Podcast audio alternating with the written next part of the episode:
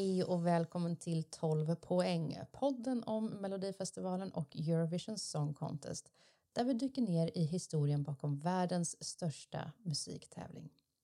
Mitt namn är Karin Björklund och i det här avsnittet kommer jag att få sällskap av två Eurovision-fantaster. För jag må vara nörd av rang, men dagens ämne kräver bollplank. Dagens ämne är nämligen Sverige, stormakten på dekis? Frågetecken. För om vi tittar närmare på Eurovision-siffrorna ser vi att Sverige sticker ut. Sverige är det land som fått absolut flest poäng i Eurovisions historia. Det är inte ens nära mellan första plats och andra plats. En del av det kan ha att göra med att Sverige varit med i tävlingen ända sedan 1958, alltså sedan den tredje tävlingen gick av stapeln. Men Sverige har också flera vinster. Idag ligger vi på delad första plats med sju vinster. Och till skillnad från Irland som också har sju vinster i bagaget så har de svenska vinsterna skett sporadiskt och varit utspridda över nästan fem decennier.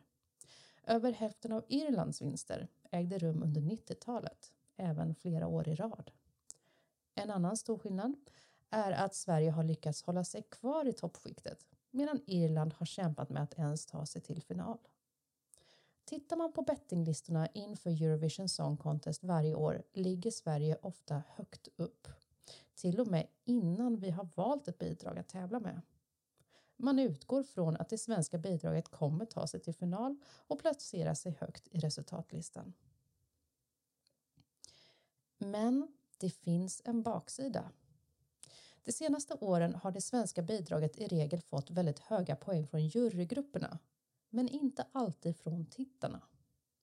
Och om man tillbringar lite tid på Eurovision Forum online märker man att det finns en återkommande trend i kommentarsfälten. Sverige är överskattat. Så i detta avsnitt kommer vi att se närmare på Sveriges deltagande i Eurovision Song Contest och hur vi har presterat. Till hjälp kommer jag att ha Eurovision-experterna Olle Gilkén och Sofia Holmdahl när vi försöker reda ut frågan Är Sverige en Eurovision-stormakt på dekis?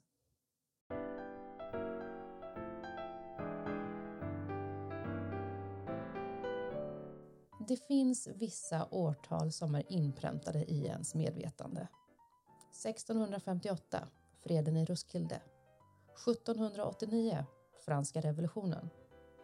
Och såklart 1974, ABBA vinner Eurovision Song Contest. Här börjar legenden om ett av musikhistoriens största fenomen. Och om man vill kan man spåra det så kallade svenska musikundrets uppkomst till just ABBA. För en Eurovision-fantast är ABBA heliga.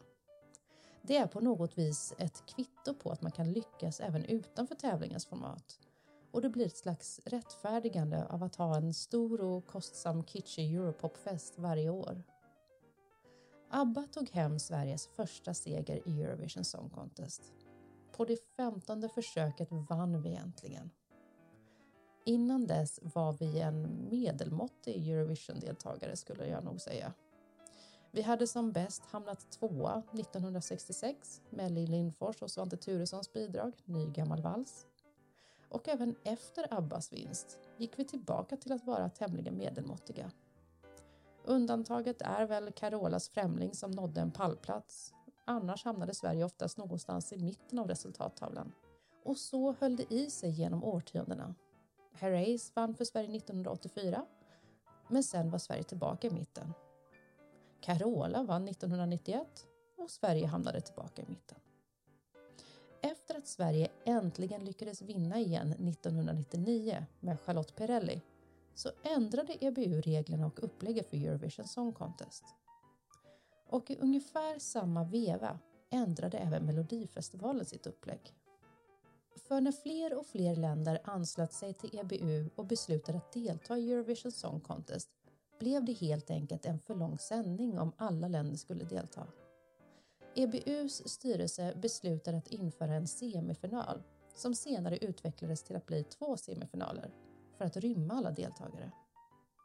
De enda undantagen från den regeln är Spanien, Storbritannien, Frankrike, Italien och Tyskland som är direkt kvalificerade varje år eftersom de skänker mest pengar till EBU och de har fått smeknamnet The Big Five. Ungefär samtidigt ändrades upplägget i Melodifestivalen. Det gick från att vara ett program med ungefär tio låtar till att bli en turnerande produktion bestående av deltävlingar och dåvarande Andra chansen. Melodifestivalen blev större än någonsin och har bara vuxit sedan dess. Och inte nog med att man skulle kvala i Melodifestivalen, man behövde även kvala i Eurovision Song Contest. Tävlingsmomentet blev viktigare. Under 2000-talet har även röstningssystemet anpassats flera gånger.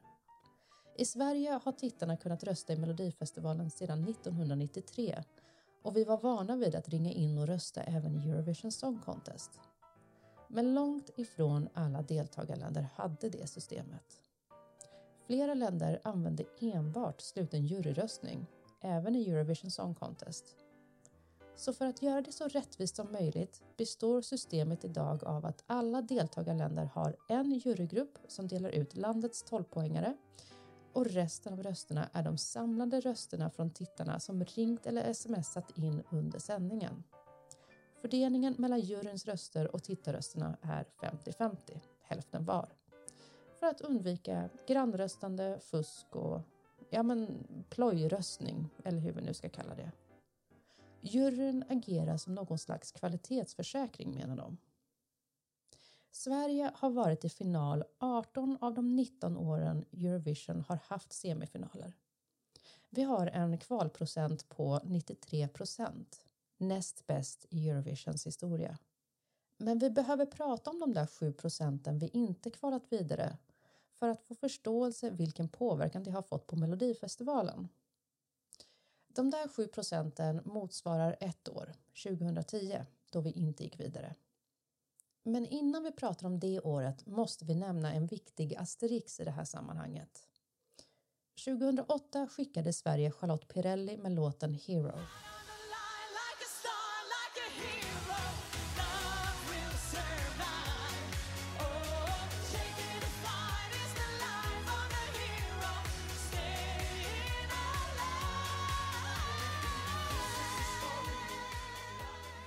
Bidraget uppträdde i andra semifinalen och hamnade på en tolfte plats och skulle vanligtvis inte ha kvalat till final.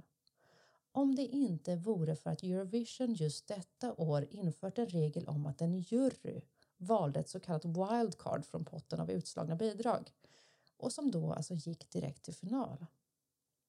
De valde det svenska bidraget och Charlotte Perrelli fick uppträda i finalen. Sverige hamnade på plats 18 av 25 inte särskilt bra. Men här har vi ett tydligt exempel på hur juryn gynnat Sverige, åtminstone en gång. Året vi inte gick vidare då? Jo, jag minns hur panelen i införprogrammen gav Anna Bergendahl och låten This is my life relativt höga betyg innan Eurovision Song Contest 2010. Det var endast Kayo i programmets panel som vågade viska fram att 2010 är nog året som Sverige inte kommer gå vidare till final.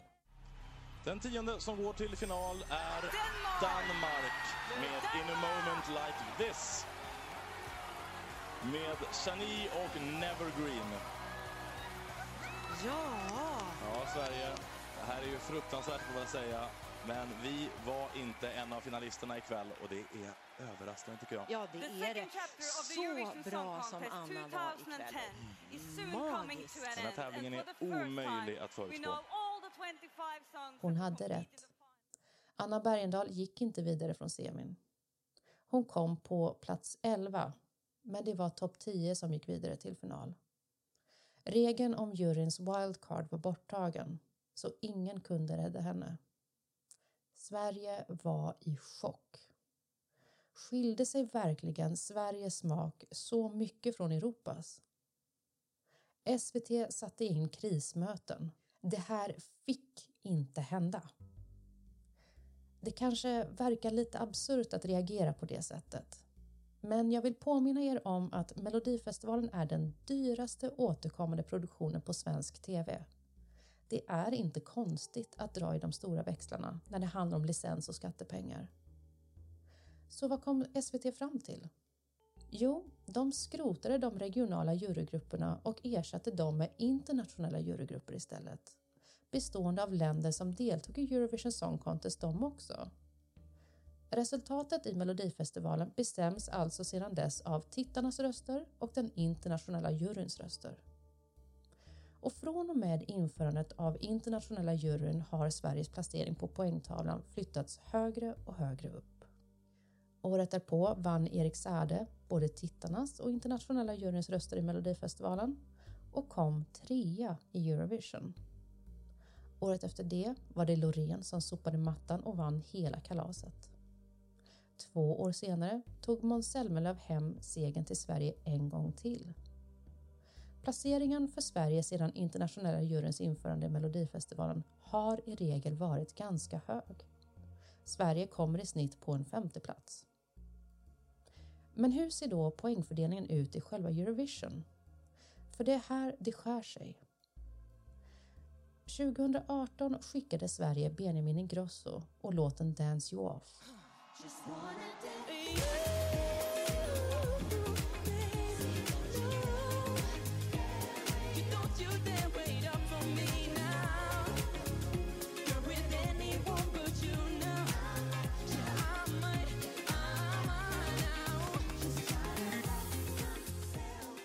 Den gick vidare till final och när juryn delade ut sina poäng var det inte den favorittippade låten Toy med Netta från Israel som hamnade i toppen. Det gjorde inte Sverige heller. Det var faktiskt Österrike. Men Sverige låg tvåa. När programledarna skulle dela ut kvällens fjärde lägsta poäng från tittarna däremot. With 21 points, Sweden.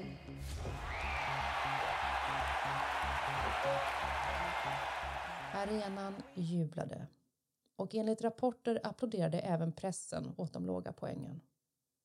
Det var helt klart en diskrepans mellan juryn och tittarna.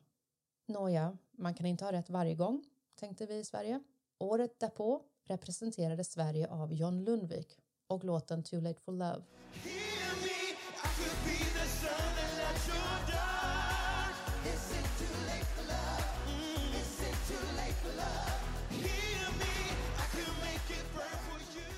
Den gick som väntat vidare till final och när juryn hade delat ut sina poäng i slutet på kvällen så var det trångt i toppen. Nordmakedonien ledde. Sverige låg tvåa, igen. Och favorittippade Nederländerna flåsade i nacken på tredje plats. Detta år hade man gjort om formatet så att poängen lästes upp i den ordning man låg på listan. Det vill säga, man började med att läsa upp poängen för den som låg sist och jobbade sig uppåt. På så vis kunde man dra ut på spänningen och man vet inte vem som är vinnare förrän de sista poängen lästes upp. Och när det var dags att läsa upp de sista poängen för kvällen så stod det mellan två länder. Antingen Nederländerna eller Sverige. Sverige behövde minst 253 poäng för att gå om nederländska Duncan Lawrence och vinna. How much points do they get from the public?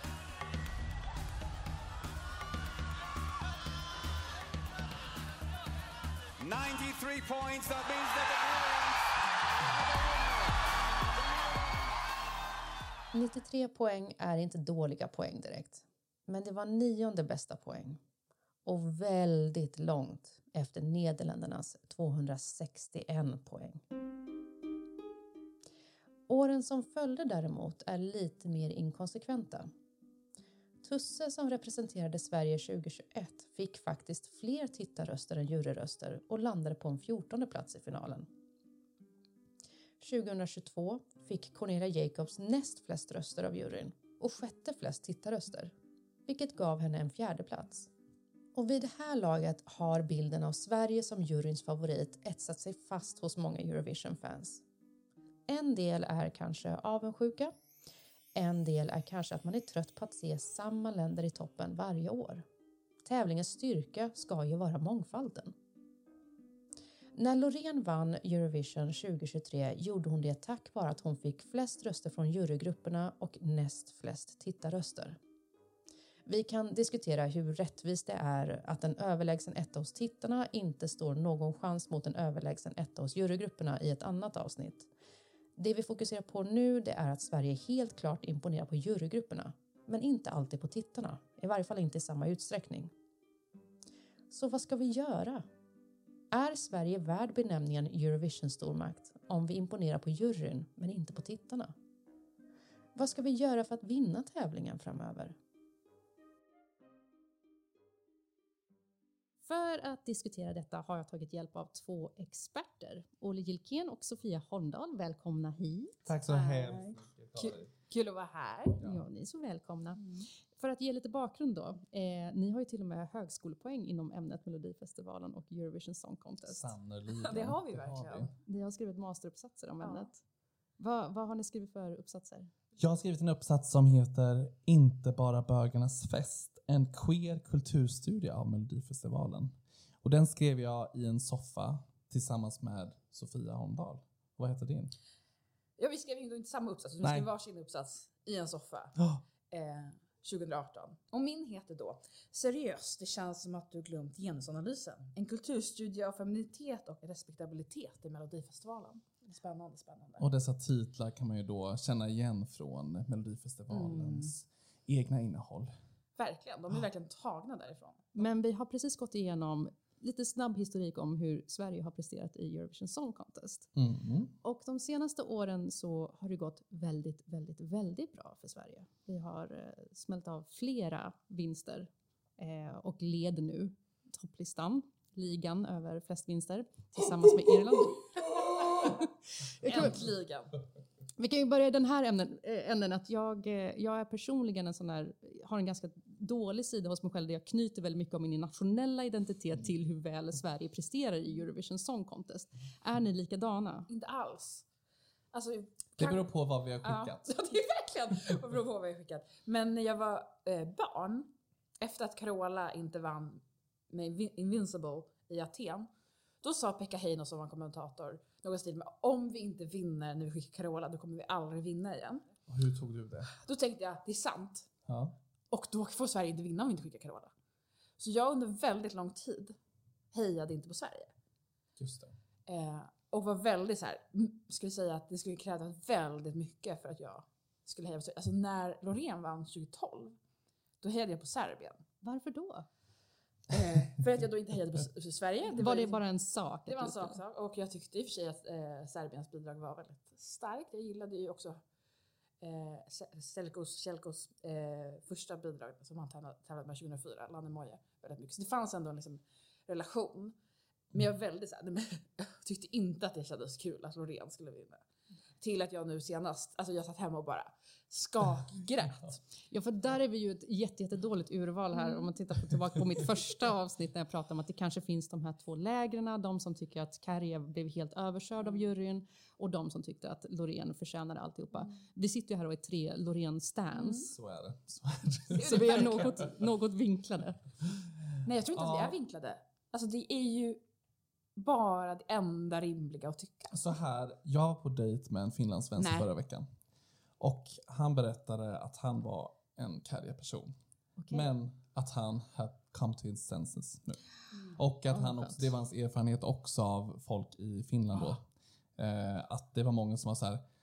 Det var kanske lite väl att vi nollade Sverige. Ja. Alltså, Okej. det var liksom det här arenafenomenet. Det var ju en fantastisk show. Men vad lyssnar vi på nu i efterhand? Tattoo. Tattoo. Det är sant. Det är verkligen sant. Och jag kommer ihåg när jag lyssnade på Finlands bidrag förra året. Första gången tänkte jag kul, härligt. Jag tröttnade väldigt snabbt. Jag var likadan, Ja. kan jag inflika. Och medan Loreen och Tattoo, alltså den håller ju, alltså vi har ju sett henne uppträda med den live ett par gånger. Eh, Alla tre. Och det är ju en käftsmäll som ingen annan. Men om vi vinklar det på det här hållet då. Tycker ni att Kärje skulle ha... Om, om Kärje hade vunnit, hade han förtjänat det? Min, min direkta är ju nej. Men å andra sidan så, eh, den som vinner vinner ju. Det finns ju regler och de är ju till, någorlunda till för att följas. Men så att om han hade fått mest poäng så hade han ju på något sätt förtjänat det. Men jag tycker ju inte att det var tillräckligt bra. Nej, det var ju också en skillnad. Det var ju inte så att juryn hade sänkt Kärje Mm. heller. Det hade ju varit en, en större glapp där Mm. om det var så att nej men Kärje får inga jurypoäng. Utan Kärje var där Mm. uppe i alla fall. Jag kommer inte ihåg exakt Nej. vilken plats. Men det var ju inte som att juryn hade aktivt valt så här, vi ska sänka Kärje. Nej. Nej, Ehm. jag tror att han fick fjärde bästa jurypoäng. Och det Ja. fick även Måneskin när de tävlade. Ja, och så vann de tack vare tittarrösterna. Ja, så det var ju alltså i kombination med rösterna. Mm. Alltså Loreen var ju liksom second best från, alltså folk älskar den låten Mm. också. Vi Eh, med. Och vi också. Mm. Men det, det här är ju din eh, käpphäst lite med det här juryn versus folket Sofia.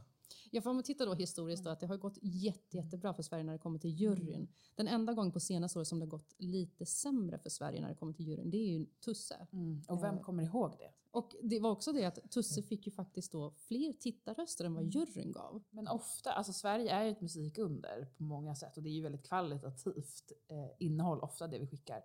Och vi är ju inte jättebra på att skicka ploj som ofta inte får så högt av jurygruppen, utan vi skickar ju ofta seriösa poplåtar. Och det brukar innebära även för andra länder höga jurypoäng. Ja, jag kunde ju inte låta bli. Jag går ju en forskarutbildning.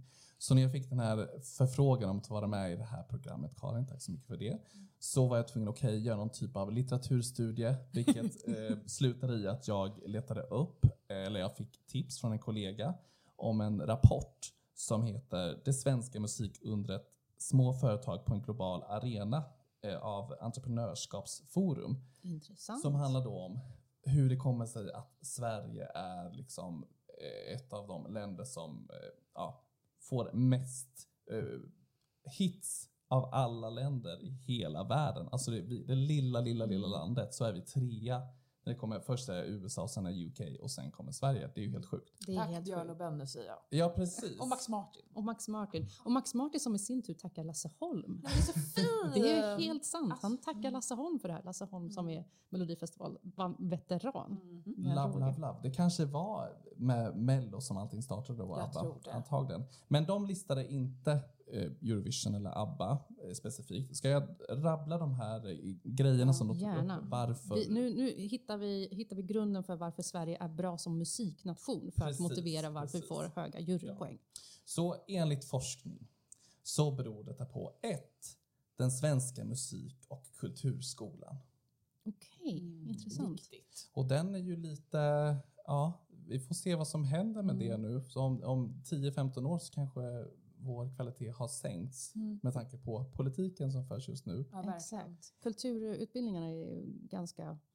De är ofta de första utbildningarna som eh, åker på besparingar. Och. Och jag ser ju också när svenska popstjärnor beskriver själva varför de har blivit liksom duktiga och stora är ju för att de har liksom fått, fått en flöjt i handen. mm. Blockflöjt. Eh, punkt två så handlar det om det sociala och ekonomiska skyddsnätet i samhället. Så det är liksom att vi är ett rikt Ja, land. säga. välfärdsstat. Inne- Innebär det också att man kan eh, försöka försörja sig som musiker? Mm, Och om man då är arbetslös en längre period så kan man fortfarande få någon form av skydd? Det finns liksom olika Mm. sätt att, att eh, hanka sig fram någorlunda. Det är ju absolut Förstår. inte lätt, men det finns på något sätt Mm. mer chans till det här än i andra länder, då, Mm. eh, säger forskning. Eh, punkt tre, det är att Sverige har en god kunskap i det engelska språket. Ja, det spelar jättestor roll såklart. Och Där. det spelar ju säkert jättestor roll Ja. i det här också. Det spelar jättestor roll för att det var, om vi tittar, jag kommer gå igenom det här i framtiden, det är jag säker på, men eh, det var ju de nordiska länderna som faktiskt bojkottade Mm. Eurovision under en eh, sväng under 60-talet Mm. för att Mm. de upplevde att de blev diskriminerade i och med att man var tvungen att sjunga på hemspråk och de ansåg inte att kanske finska, svenska, norska, samiska etc. var särskilt attraktivt. Och att de då fransktalande länderna var betydligt mer favoriserade av röstarna och alltihopa. Så eh, då ville man vända om och ville tävla på engelska. Och det gick ju jättebra när vi gjorde det första gången. Då Mm. var ju, var ju ABBA där till exempel. Och levererade. Mhm. Men nu saknar vi det lite kanske, det svenska språket i Eurovision. Lite. Fröken Snusk. Fröken Snusk röstade på. Vi kan säga att eh, rent tidsmässigt så spelar vi in det här eh, innan den fjärde deltävlingen 2024. Så är det. Mm. Så vi har... Lagunilla Maniac nu. Ja, Exakt. eller två av oss i alla fall. Två, två av tre vid det här bordet har. Okej, så den eh, fjärde punkten tror jag var på.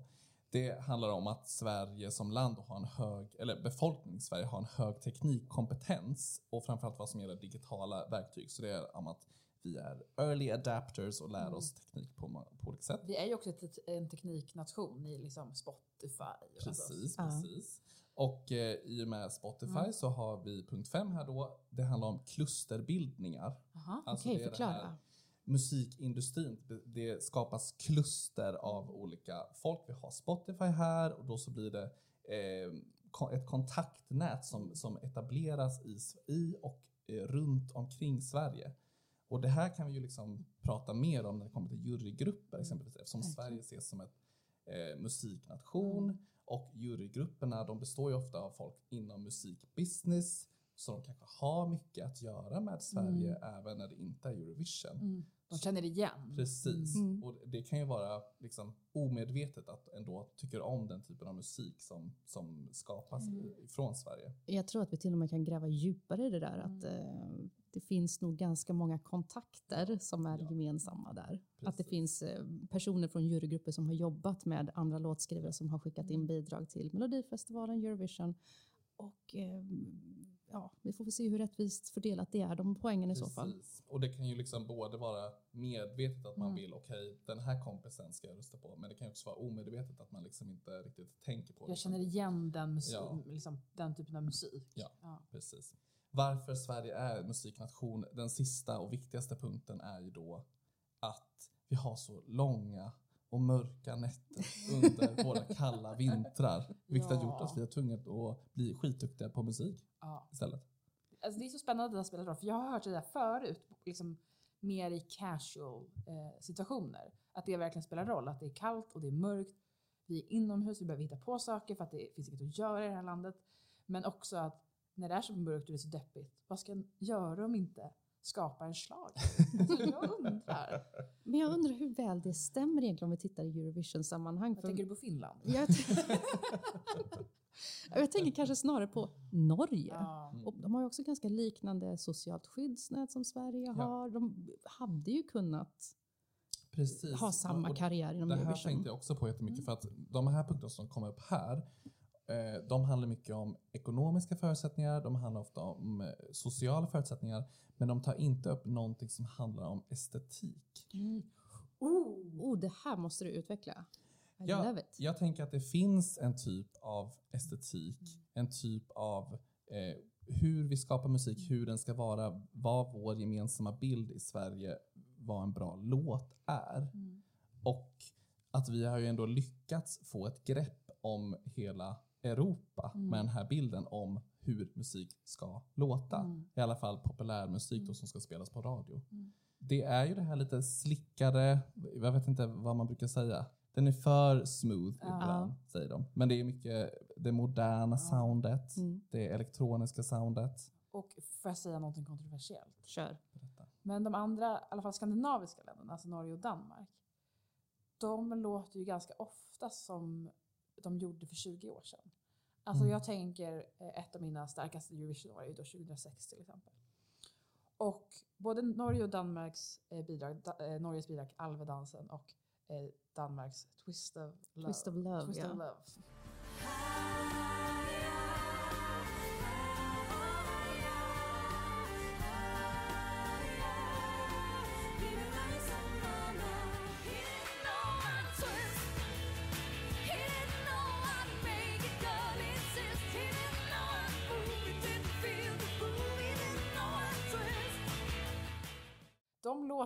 Som att de skulle vara, kunna vara skrivna för 30 år sedan redan då. Och det är fortfarande det de skickar idag. Mm. Det har liksom inte skett någon direkt liksom, musikalisk utveckling. Och det menar inte jag att det är klart Norge och Danmark har det i vanliga fall. Men de skickar låtar som skulle kunna vara skrivna nu, kanske inte här, men i Norge och Danmark uppenbarligen. Eller de är ju säkert skrivna här också ganska ofta. Men att vi har Mm. skickat dem ut. Den senaste, den danska vinnaren är ju Melanie Weber som har skrivit. Exakt. Mhm. Eh, men att vi, det låter liksom inte lika modernt. Nej, det där har jag faktiskt hört flera gånger Ja. också från norrmän och danskar när de lyssnar på en svensk Eurovision-låt. Där, Citat, man hör att det är från Sverige. Ja, ja. Man hör det. Alltså till och med så Take Me To Your Heaven 1999, Tusen och natt. Man hör att det är från Sverige. Den är ju mer modern än Twist of Love och jag har ingenting emot Twist of Love från 2006. Älskar. Det var kul och liksom, Take Me To Your Heaven som då var sju år tidigare är ju mer modern än vad den är.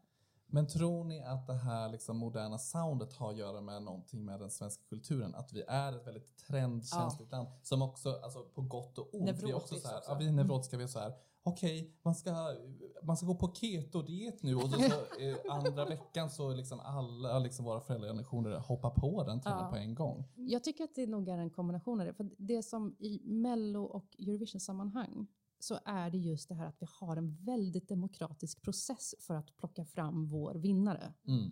Och då blir det på något vis, ja men då tar vi den låten som alla tycker mest om eller som blir minst illa omtyckt och sånt där. Det blir så väldigt demokratiskt. Ja. Och bara, då hittar man den låten som bara stryker jämnt. Som Azerbajdzjan vann. Åh gud, nämn det inte. Alltså jag kan inte, åh, det här är mitt skamår. Ja, jag vet, alltså, jag, fruktansvärt. fruktansvärt år Men- men- enligt mig, 2011. Men här har vi också ett stort problem för att återkoppla till Loreen Mm. 2017 med Statements.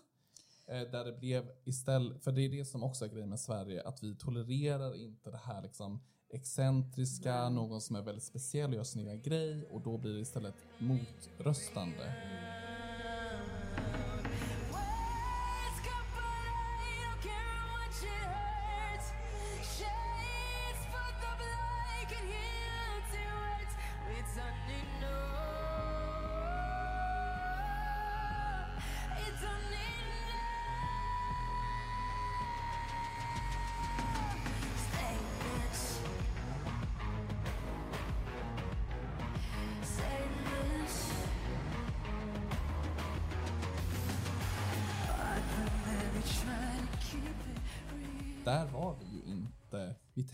Liksom inte strategiskt för att vi har, vi har liksom chans att komma mycket högre med att skicka Loreen. Men vi ignorerar det för att svenskarna är så här, nej vi ska sänka den här personen som tror att hon är bättre. Eller Än alla. Och vi pluggade ju en kurs ihop då. Det gjorde vi också. Som handlade om teater och kön och sex på scen. Jag kommer inte ihåg vad det hette, något sånt. Gestaltning på scen eller något vad? sånt där spännande. Jättehärlig kurs. Och det var du, jag, en till eh, äldre man i gruppen och vår lärare, Mm. eh, professor Dirkint, som var helt förkrossade. Vi var inte glada. När vi var liksom så, här, så att hela den föreläsningen, det var i måndag, hela den föreläsningen, hela den eftermiddagen var liksom, vi var i en annan värld. För att vi här, hur kan hon bara ha gått till Andra chansen? När det var liksom en jävla, det liksom vackraste och finaste och mest perfekta jag hade sett på så många år. Men var det för att den var för Bra. svårt? Den var för pretentiös. Den var för pretentiös. Ja, det var Jag, pretentiös. jag, jag, jag, jag skulle säga svårtillgänglig, men pretentiös är kanske Ja. Ja. rätt, rätt begrepp där. Och det är det som, blir, som är det lite tråkiga med Sverige nu. Vi, vi kommer inte skicka någonting som är för pretentiöst. Vi kommer inte heller skicka någonting som är för skojsigt eller roligt. Utan vi ska skicka liksom saker som är väldigt renstädade. Mm. Och det ska gå att spela på radio. Mm. ehm, liksom på en viss kanal. Och det ska vara modernt. Ja. Det måste vara modernt. Men vad tycker ni om de senaste årens eh, vinnare då? Loreen vet vi ju, det, det, vi älskar Loreen vid det här bordet. Vad tycker vi om Cornelia Jacobs? Jag älskade Cornelia Jacobs. Jag var besatt. Jag klippte av håret. Alltså jag gjorde he- alltså, gick hela Ja, jag tror att det är varför det har gått så bra för Sverige Ja. nu på sistone. För, för det pratar vi inte heller om. Alltså Cornelia Jacobs, hon fick ju den bästa placeringen sedan Måns Zelmerlöw Ja. vann. Ja. Och det får hon inte så mycket cred Nej, för. vi var så upprörda. Vi var ju i Turin Ja. och var så upprörda när folk skrev på liksom, sociala medier hur hon hade failat. Och, För liksom. att hon inte vann. Men För att hon inte vann. Ja, för. Ursäkta? Och det är också jättespännande om man tittar återigen. Nu är ju inte jag lika up to date med forskning som du är längre. Men det finns jättemycket forskning på att kvinnor alltid kopplas till förlust. Alltså både i, i tävlingar och den typen av saker, men också i politiken. Att det alltid är kopplat till förlust. Och hur hela media var liksom, det här är det största misslyckandet. Eh, Medan Ja, de höjde Nej, inte upp nej, henne, höjde- vilket hon, man hon borde göra. Hon kom fyra, tror jag. Ja, hon kom fyra. Eh, och det var det högsta som hade hänt sen, eller det bästa som Sen hade vår hänt vinst. sen vår då, senaste vinst. Och hon fick inte njuta av det. Nej. Gud, vad vi var upprörda. Men vi, för att återkoppla till liksom de senaste åren, att jag tror att det är det som varit så bra för Sverige, det är att vi har lyckats koppla ihop både det här eh, klina, elektroniska moderna soundet som är väldigt så svenskt. Men så har vi haft artister som har haft något annat. De har haft den där extra karisman, Nerv. nerven och Loreen, hon liksom, hela hennes being. Den här låten hade aldrig kunnat bli någonting utan henne. Men om vi kollar tillbaka sen, alla olika män som vi har valt, som har haft det här slicka liksom, uttrycket. Robin Bengtsson Robin tänker jag på. Alltså, Även Måns lite. Eh, Tusse, Ja. eh, John Lundvik. Lundvik. Alltså, de, Benjamin, sa vi Benjamin? Benjamin Ingrosso, de har ingenting Nej, mer och då ingenting. blir det bara tråkigt. För det har jag också tänkt på att det har gått bättre för Sverige både bland jury och bland tittare när vi har skickat kvinnor. Ja. Tack gode gud. För det var flera år på rad som vi skickade män med snygga eh, poplåtar och snygga scennummer. Mm. Ja. Och det har gått okej. Det har gått bra. Ja. Okej, men då har vi i varje fall kunnat nysta fram så här, hur, varför Sverige får ganska höga poäng bland jury. Vi, vi är duktiga på musik helt enkelt. Juryn ska titta efter musikalisk kompetens och vad som funkar i det långa loppet. Och så det som du tog upp som vi inte har pratat om, men alltså att vi bara har Melodifestivalen, det är liksom en hög nivå. Eh, alltså det finns liksom flera, vi Gallringar, ut saker, ja. precis. Mm. Det, det gör ju jättemycket såklart. Exakt. Jag funderar på något vi inte har varit inne på alls och det är ju hur grannröstningen ser ut Mm. i relation till det här. För att Sveriges grannröstsituation är ju ofta Norden, kanske till och med norra Europa. Han brukar titta på de som brukar rösta på Sverige utifrån en grannröstproblematik. Mm, mm. Eh, problematik, det kan vara fördel också, jag vet inte. Eh, Mm. Men det är inte lika alltid tydligt att Norge ska ge Sverige sin tolva som att Rumänien ska ge till Moldavien en tolva. Alltså de, de säkrar upp eh, i relationer på ett sätt som Sverige inte alltid kan göra. Det är ganska ofta en tänker, ja men Norge borde ge Sverige tolvan för det är en så pass bra låt och de borde förstå att det här är så bra. Och så ger de Finland tolvan ändå. Liksom. Så, du, så du menar att grannröstandet främjar oss inte? Jag tror inte att det gör det. Nej. Jag tror inte att det gör det. Alltså, statistiskt sett så kan man ju konstatera att grannröstandet ger väldigt lite utslag. Alltså det, det är ganska mycket av en myt att det här påverkar resultatet i det långa loppet. Men jag blir ju ändå glad. Jag blir ju jätteglad när eh, Grekland och Cypern röstar på varandra. Då känner jag, Ja, nu, är det, så- nu är jag hemma. Jag är så less på det. Jag är tvärtom där man bara, jaha. Det Det känns så. bra. Men det, det, det är som julen kommer varje år och Grekland kommer rösta på Cypern. Så är det bara. Och tvärtom.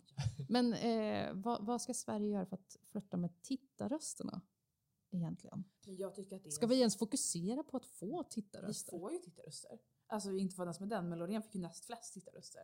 Sant. Ehm, jag tänker ju liksom att man kan försöka tänka lite långsiktigt Mm. och liksom hur Sverige liksom brandar sig själv. Mm. Och just nu har vi ju liksom stämpeln som det tråkiga landet som kör, Bror liksom, duktig. ja, som kör safecards och är liksom Ja, det finns ett visst svenskt sound och nu har vi också vunnit Mm. och det finns liksom en irritation, en stark irritation riktad mot Sverige. Mm. Så jag tycker att vi borde gå helt åt andra hållet och faktiskt våga skicka Gunilla. La Gunilla.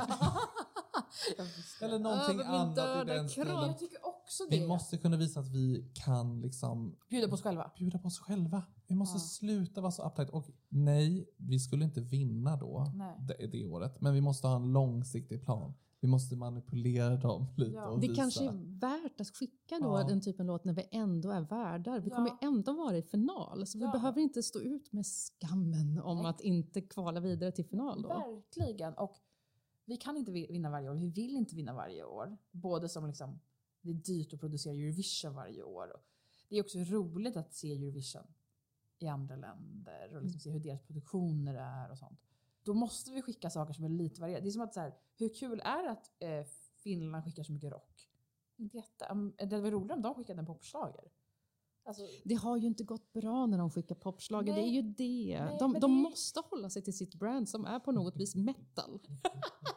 Det är sant, det är ju ändå kul att det förändras någonting och då tänker jag att det kanske är kul om, om vi skickar Gunilla. eller Fröken Snusk eller... Man vill ha som Kärje, det är både skojsigt men också väldigt Skitbra. välproducerat och superspännande, Mm. kul, intressant nummer. Precis, jag är ju allergisk mot ploj i Eurovision Song Ja. Contest. Jag avskyr ploj i Eurovision Song Vad Contest. tyckte du om kalkonen? Åh gud. Ja, det var det värsta.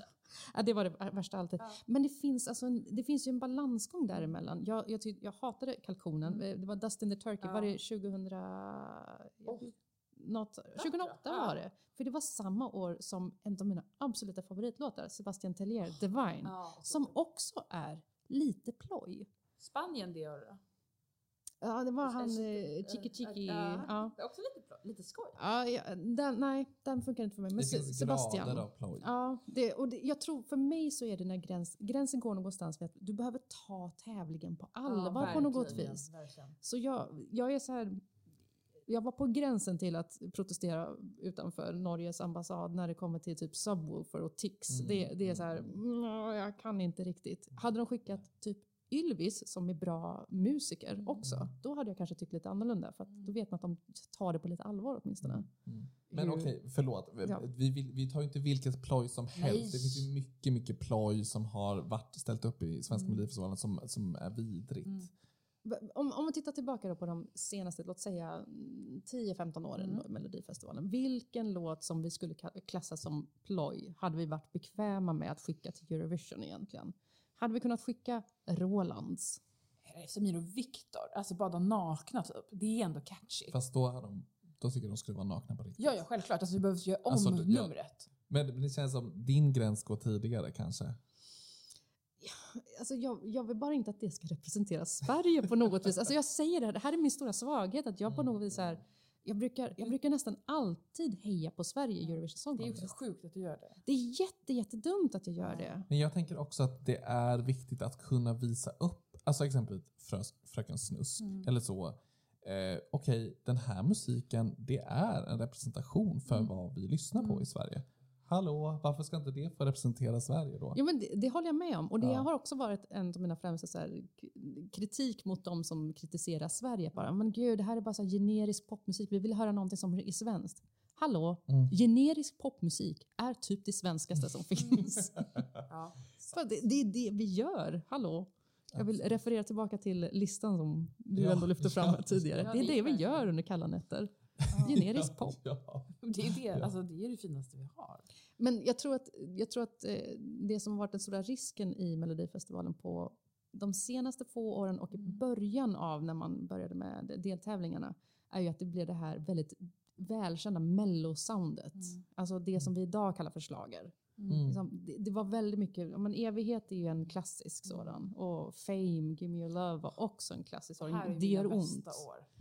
Och det var jätte, jättebra år. Ja, Men det där soundet finns ju ingen annanstans än i Sverige i stort sett. Nej. Och nu har vi slutat med det. i stort. Ja, och betyder det att jag har dött? För då vet inte jag om jag vill leva. Jättebra sista ord. Tack Sofie. och så gick jag. Ja. Eh, när Perrelli tävlade med Still Young för ett Just år sedan, som ändå är ganska mycket schlager även om den är liksom lite dagsputsad, så var hon ju final. Alltså Lina Hedlund var också i final med Victorious. De, fin- de kommer ju lite då och då. Mm. Får vi en känsla av det. Och vi vill ju att när ställer upp att hon ska sjunga Still Young. Vi vill inte att hon ska sjunga Mitt liv.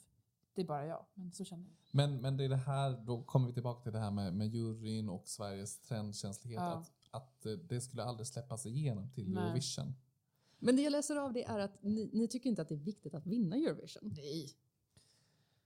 Ibland, alltså jag tycker att det är viktigt att vi ibland får ha Alltså, Eurovision. förra året var det väldigt viktigt. Ja, då var det alltså, jätteviktigt. då ja. var det, precis. För Loreens skull Ja. eller för... ja, och vår stolthet. Det var liksom också så att hon fick någon typ av revansch Ja. efter statements. Ja, det var det var så himla sorgligt och liksom hon var ändå Folk liksom eh, diskuterar henne som att hon liksom satt på sina höga hästar men, Ja. men det är inte sant. Nej. Alltså Ja, det, det nej, skulle lika gärna, för det är också det här när man läser liksom forum på nätet, att de är så, "Åh, man kan skicka en gammal vinnare.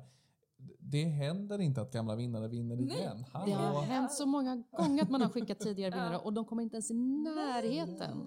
Det är ingen garanti. Och Verkligen. Det blev ju så viktigt på något sätt. Alltså, vi tyckte ju väldigt mycket om låten och henne och allt liksom vad det var. Men det blev, kändes också väldigt viktigt att hon skulle få visa dem att så här, jag är här och ja. Vilka är de? Alltså alla som inte röstade 2017.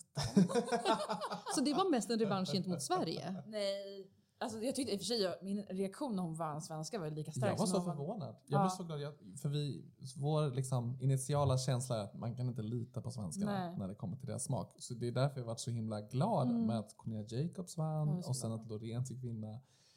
För att det brukar inte vara ens Nej. favoriter som vinner i Mello. Nej, Inte verkligen inte. Det sker inte så ofta och det var så fint att hon fick vinna förra året. Och jag då som västeråsare är också väldigt stolt Det över förstår vår enda verkligen. riktiga kändis, förutom Pugh Rogefeldt. Rest in peace. Ska vi gå lite laget runt Ja. och bara, men vad vill vi att Sverige ska göra i Eurovision slash Melodifestivalen framöver? Är det något vi ska sluta göra? Skicka generiska män. Det ska vi Ja. sluta med. Det funkar typ inte. På vilket sätt då? Alltså det är tråkigt för oss som tittar. Vi vinner inte jätteofta på det. Om man tittar historiskt så är det ju egentligen bara Måns som har varit den generiska mannen. Och han har ju ändå tillfört liksom lite skärm och sånt som kanske inte Robin Bengtsson visade. Alltså, så här, om vi vill lyckas Mm. så behöver vi skicka karismatiska, starka kvinnor. Sen tycker jag att vi ska hålla god kvalitet och ta det seriöst. Men det, på det sättet kan det se otroligt olika ut. Alltså det kan vara schlager, det kan vara generisk pop, det kan vara liksom roligt. Men så länge det är seriöst och camp så är jag nöjd. Ja, jag skriver under på allt det där. Håller med 100%. Men och sen så med den här brasklappen att jag skulle jättegärna vilja att vi vågade skicka något som är lite roligare. Mm. Men som sagt, det ska vara, det ska vara plojigt till en gräns. Mm. Det ska ju fortfarande vara någon som, som satsar och Mm. som vill vinna. Och ta, det, ta det seriöst, men det kan fortfarande vara liksom i, i en rolig skrud. Mm. Så för att Sverige ska må bra i Eurovision så ska vi skicka roligare låtar och när vi vill vinna då ska vi skicka en seriös skitbra tjej Mm. eller kvinna. Gärna över 40 för min del. Jag tänker det är just det här med brandingen. Vi måste Mm. få bort det här att vi är så himla tråkiga. Vad säger du själv? Jag tror också att vi behöver branda om för det, det jag tänker det är att den här slick svenska renproducerade den är inte trendig längre. Det är som den franska balladen. Den blev inte, den var inte Den modern. kommer ju ibland och kommer liksom topp tre ibland. Ibland ja. Ja. Men, men kanske inte när man skickar den 17 år i rad. Nej. Ja, men det är väl det här spelet mellan det nostalgiska Ja. och liksom att försöka hitta en, en essens av så här. Vi gillar ju också att kunna kategorisera olika länder. Okej, det här Mm. landet kommer skicka den här typen av låtar. Det här landet kommer skicka det här. Det här vinner alltid, den här gör inte det.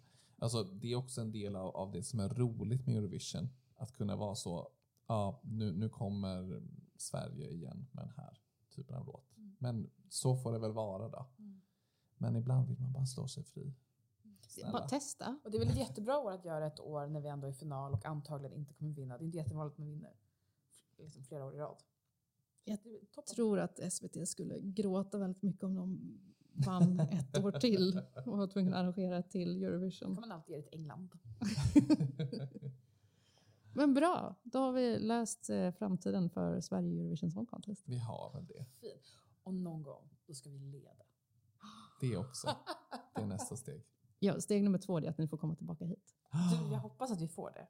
Det ska ni garanterat. Vi har ju mer grotta i våra masteruppsatser som jag förstår att du vill veta jättemycket mer om. Mängder. Bara intressanta grejer. Tusen tack för att ni kom. Tack för att vi komma. Tack så hemskt mycket Karin. Ni hörde det här. Podden 12 poäng tycker att Sverige ska passa på att skicka något helt oväntat och utanför lådan i svenska mått mätt. Nu när vi ändå har Eurovision på hemmaplan. Inte för att vi nödvändigtvis måste vinna tävlingen igen, men för att visa världen att vi minsann tycker om att ha kul och inte bara lyssna på en sorts musik. Lilla landet lagom behöver en rebrand och efter en riktigt kall vinter bör vi kunna leverera på det. Tack för att ni har lyssnat. Avsnittet är skrivet, redigerat och producerat av Karin Björklund. Det är jag. Stort tack till Olle Gilkén och Sofia Holmdahl för era kunskaper och åsikter. Följ podden på Instagram. Där heter den 12p.podd. Tills vi hörs nästa gång, mina vänner.